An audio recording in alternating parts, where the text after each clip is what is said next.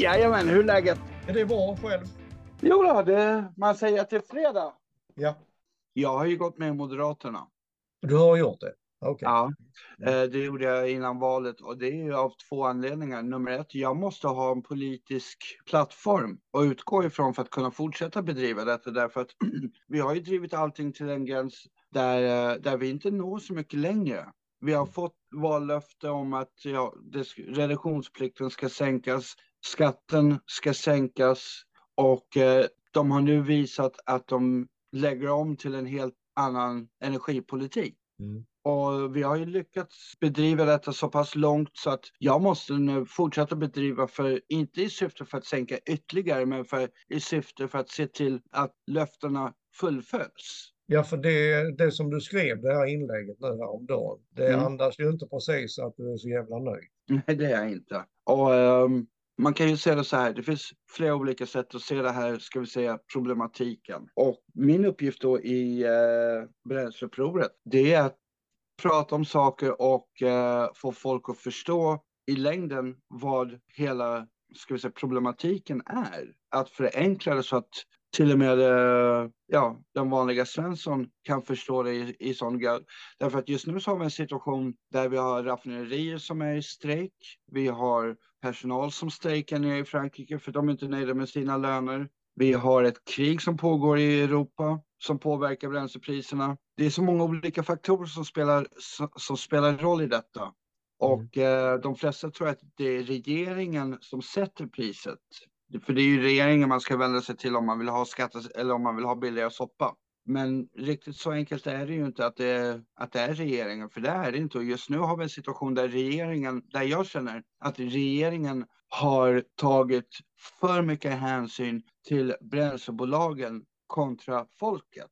Mm. Mm. Och att det just nu är eh, en situation där bränslebolagen behåller sin höga vinstandel som de har just nu. Istället för att säga till bränslebolagen att vi sätter ett vinsttak eller ni får bara ta x antal procent över detta. Och eh, det, utav, utav den anledningen så rör de inte reduktionsplikten förrän 2024 och det är jag inte nöjd med. Men kunde man, så vad kunde man gjort det med Kuwaitarna och Qatar och, och Rockefeller och alla de här Standard Oil och så vidare? Eh, vad, skulle, vad skulle, menar du att regeringen kunde gjort då? Alltså om man tittar bakåt i tiden så har ju reduktionsplikten, den har ju trappats upp från 15 procent för två år sedan till dagens 30,6. Och eh, jag, menar, jag ser ju ingen verklighet överhuvudtaget att de ska ta och gå från 30,6 ner till 6 procent eller 13 procent eller vad det nu blir. Det känns inte verkligt. För då blir det är- det här stora gapet. Ja, men, ja, där försvann fyra spänn på soppan. Mm. Jag tror inte på det. Men vad Utan- lovade de då egentligen? Ja, Alltså, då, det, det Sverigedemokraterna gick ut och sa var ju att de skulle sänka priset med 10 spänn mm. över natten. och hur skulle de, hur då? Det vet jag inte, för jag frågade dem vid flera tillfällen hur de skulle finansiera det. Mm. Och det var mer eller mindre den här, ja men det löser sig. Den inställningen. Okej. Och eh, därför så trodde jag inte speciellt mycket på SDs, ska vi kalla det för vallöften. Mm. Medan Moderaterna har då lovat att sänka reduktionsplikten till EUs miniminivå, vilket även då de andra blåa partierna som SD och KD och Liberalerna har gått med på. Mm. Mm. Men Moderaternas, Moderaternas vallöfte var att vi lovar att sänka reduktionsplikten under vår mandatperiod. Så, så de Moderaterna sa så? Ja, Så de sa ingenting att man skulle göra det en gång? Nej, okej. Alltså de har, det har ju kommit från enstaka moderata pol politiker då att ja, vi ska sänka redan 2023 och så vidare. Men ingenting om hur mycket. Den här femkronan som alla pratar om, den var ju ett löfte som kom i våras, som de började jobba med i våras med olika sänkningar, till exempel den här på 1,30. Mm. Och den var ju tillfällig fram till valet för att vi skulle känna en lättnad. Och den var ju riksdagen helt överens om allihop. Mm. Så att, ehm, ja, så ligger det till i varje fall med, med de vallöftena. Och jag är besviken just därför att de gick, de, de, de, jag hade ju sett att man till exempel hade gjort omvänt tillbaka då och trappat ner det istället för att bara skära från 30,6 ner till då EU miniminivå. För att, Alltså det är ju mänskliga för, för samtliga att se en nedtrappning, till exempel då Först i januari så hade man gått från 30,5 ner till 21 procent. Och sen hade man gått från 21 procent ner till 15 procent den första juni. För att sen ta sista steget ett halvår efter. Mm. Men jag menar för de som nu ska ta sig till jobbet och trodde att, ja men vad fan, det, det är bra, jag röstar på detta för att då kommer det, det kom, de kommer att fixa det. Bensinen och eller dieseln kommer att åka ner. Alltså, vi måste ju få ner bränslepriserna ytterligare. Det är inte hållbart med en dieselpris på 27 spänn. Nej. Och sen att, de, sen att de kommer att säga, ja men vi ska sänka det med en krona vid nyår, sänka skatten. Ja men det är ju jättebra, men indexeringen som vi har som är baserad på inflationen, KPI-indexeringen, den, den indikerar på att ja, den kommer ju driva upp skatten ytterligare 60 öre. Så i reala sänkningen blir bara 40 öre. Ja. Och 40 öre, det skiter ju folk i totalt. Ja, det blir liksom att folk blir eh, ledsna, för man har ju ändå hoppats både på, på eh, man säger bränsleupproret och på politikerna. Att, mm, mm. Att fan, alltså det måste bli en ändring för att eh, de här miljömänniskorna förstår ju inte detta för de lever Nej. i en annan värld. Men alltså jag mm. tänker ju så att den ena sidan är klart det du säger med oljebolagen. Det är enorma vinster, men de mm. görs ju inte i Sverige.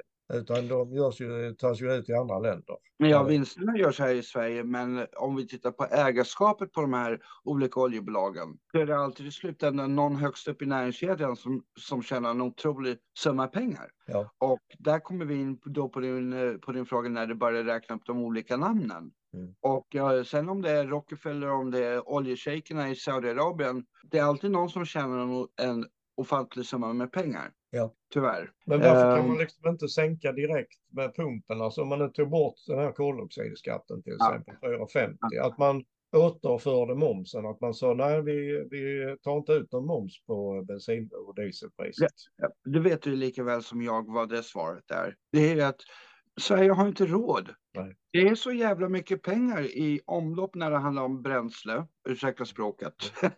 Det är så fruktansvärt mycket pengar i omlopp så att man har svårt att begripa det. Men i och med, vi säger som ett exempel nu, i och med nu att de gör en skattesänkning på en krona så kostar det i reformbudgeten 7 miljarder. Och eh, 7 miljarder är halva, nästan halva reformbudgeten i sin helhet.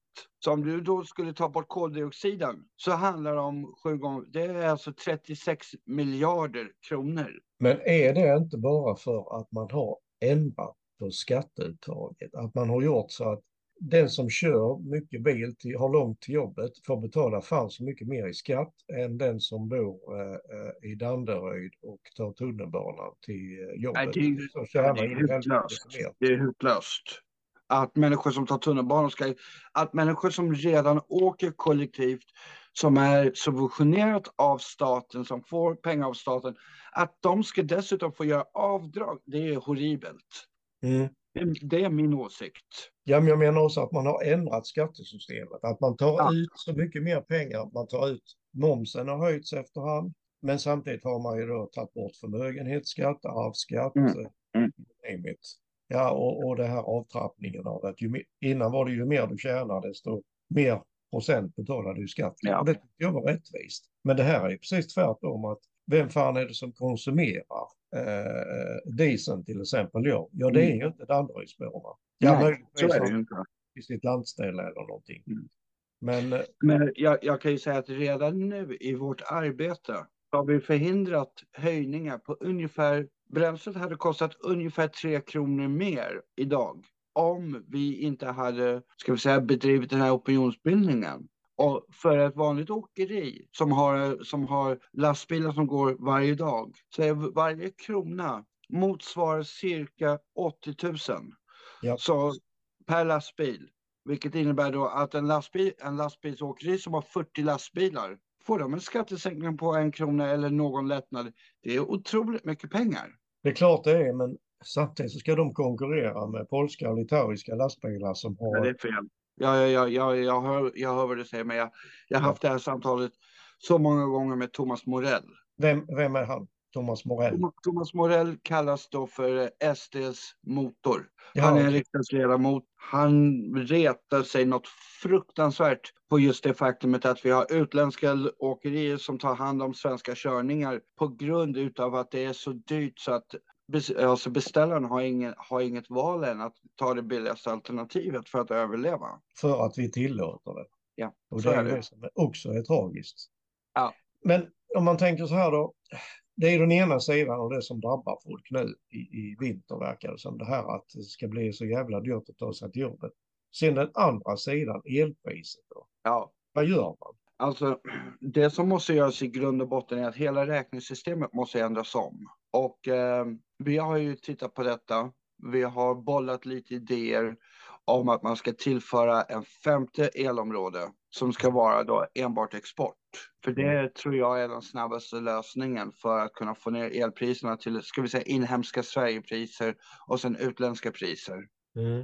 Mm. Eh, just nu så tjänar ju elbolagen också snuskiga pengar. Och det, det är jättebra för dem, men det är inte bra för, för konsumenten. När jag, men jag bor i område 4 och jag är ju livrädd för vad jag kommer få för elräkningar i vinter. Ja, och det är liksom, det, det är ju inte bara det liksom att man är livrädd för det, utan det blir också när man går och handlar så får man tänka efter och då kanske man köper lågpris, det vill säga Ja. ofta importvaror istället för Mm. svenska varor. Mm. Man kanske hade tänkt bygga till huset så det hade ge- gett jobb till elektrikaren och rörmokaren och snickaren som bor eh, hemma där man är. Tänk, Mm. nej, fan, det har vi jävla råd med nu. Ja, du vet, alltså allt, detta blir ju precis som man sätter en pinne i samhällets hjul. Ja, ja, ja. Det, det blir en dominoeffekt.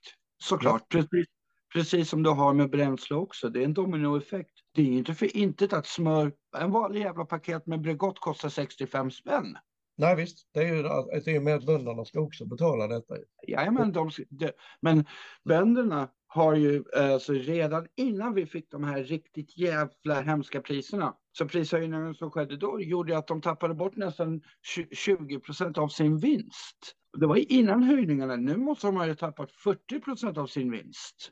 Ja, plus att de kanske då får svårare att sälja och så får eh, eh, lågprisimporten från andra länder företräde Ja.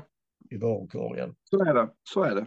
Och jag, alltså jag kan liksom inte se, det som du har gjort så väldigt bra, det är ju detta att du har lyckats samla en opinion från ingenting.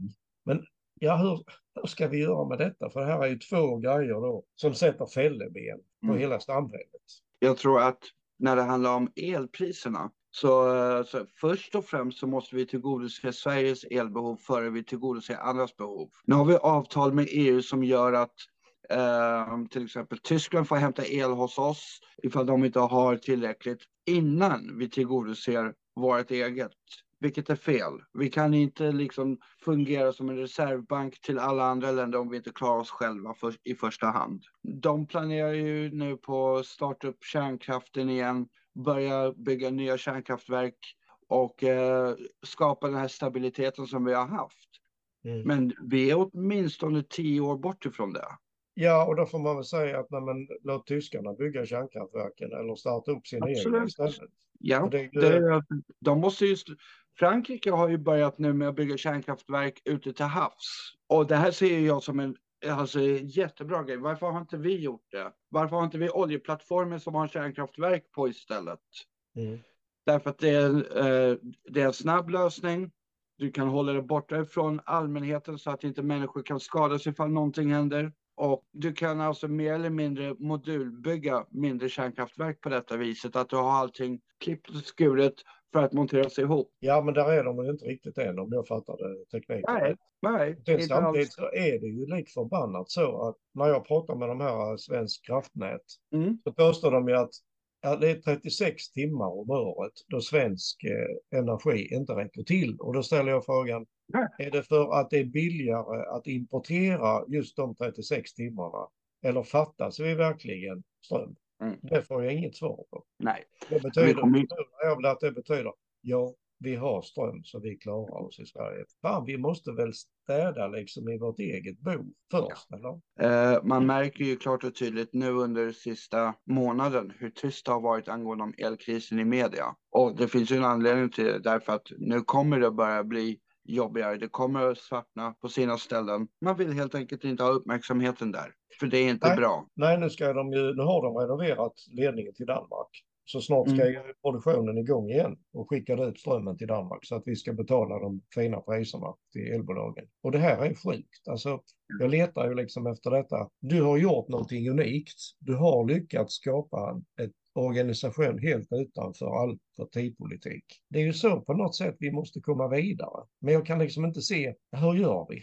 Har ni, ni, har ni också, ni har skrivit lite kring elpriset och detta och sånt, men mm. Ja, för jag menar, jag tänker som du nu säger framåt vintern här, ja men vem ska samla människor då om inte kanske ni? Mm. Det som är problemet, som jag ser som det största problemet är att skadan måste ske för att människor ska vakna. De mm. vaknar inte före. Det är nog så. Jag, mm.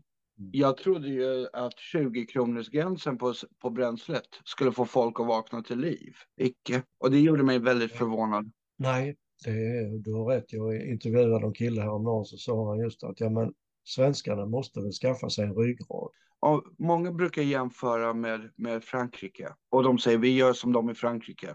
Frankrike har ju en sån lång historia med revolutioner, upplopp och missnöje. Det sitter liksom i deras DNA. De har ju som, national, som nationalsporter fotboll och att demonstrera. Ja, Svensk, sen, svenskarna har inte det. Vi har nej, inte det. Vi har skulder istället. Vi är jävligt rädda för att uh, komma till fogden och inte, du, du inte kan betala räntan längre på skulden. Ja, och det har kanske inte fastmännen lika mycket. Nej, men uh, jag vet inte om du har något mer att tillägga? Det, det, det enda som jag har att tillägga är att vi har ju lyckats nu att få Sveriges energipolitik att ändra inriktning. Det tar tid, men den visar tydligt att det här inte kan fortsätta. Många tycker att jag låter som en politiker när jag säger så, men i grund och botten, vi har haft åtta år av en miserabel energipolitik som verkligen har förstört för landet den här skadan kommer ta mer än åtta år att reparera. Tyvärr. Men ska det det? Jag menar som vi snackade innan. Det kan väl inte vara rätt att den som kör bil, åkeriägaren och den som har långt till jobbet ska betala skatten, det som bär upp samhället. Och sen låter vi Danderydsborna, alltså och nu menar jag Danderydsborna mm. med hög inkomst, slippa undan. Nej, alltså, jag, jag, tycker, jag tycker med ett enkelt skattesystem som är fordonsbaserat. Där man ser liksom att ja, varje fordon har åkt x antal mil varje år genom besiktningen. Varför inte lägga beskattningen där istället då? För då blir det korrekt. Men det, det finns jättemånga olika förslag på hur man kan lägga beskattningen. Men i självaste verket, det viktigaste är, och det står i grundlagen, bilismen ska bära sin egen kostnad, varken mer eller mindre. Just nu som det är nu så vi, vi, vi, vi bekostar så fruktansvärt mycket mer och det är det som är felet. Jag kan inte annat än hålla med dig och mm. att det här behövs en ändring. Och det är väl egentligen bara att önska dig och alla i Bränsleupproret lycka till. Och eh, vi ska försöka hjälpa till så mycket vi kan. Typ, Det uppskattar vi.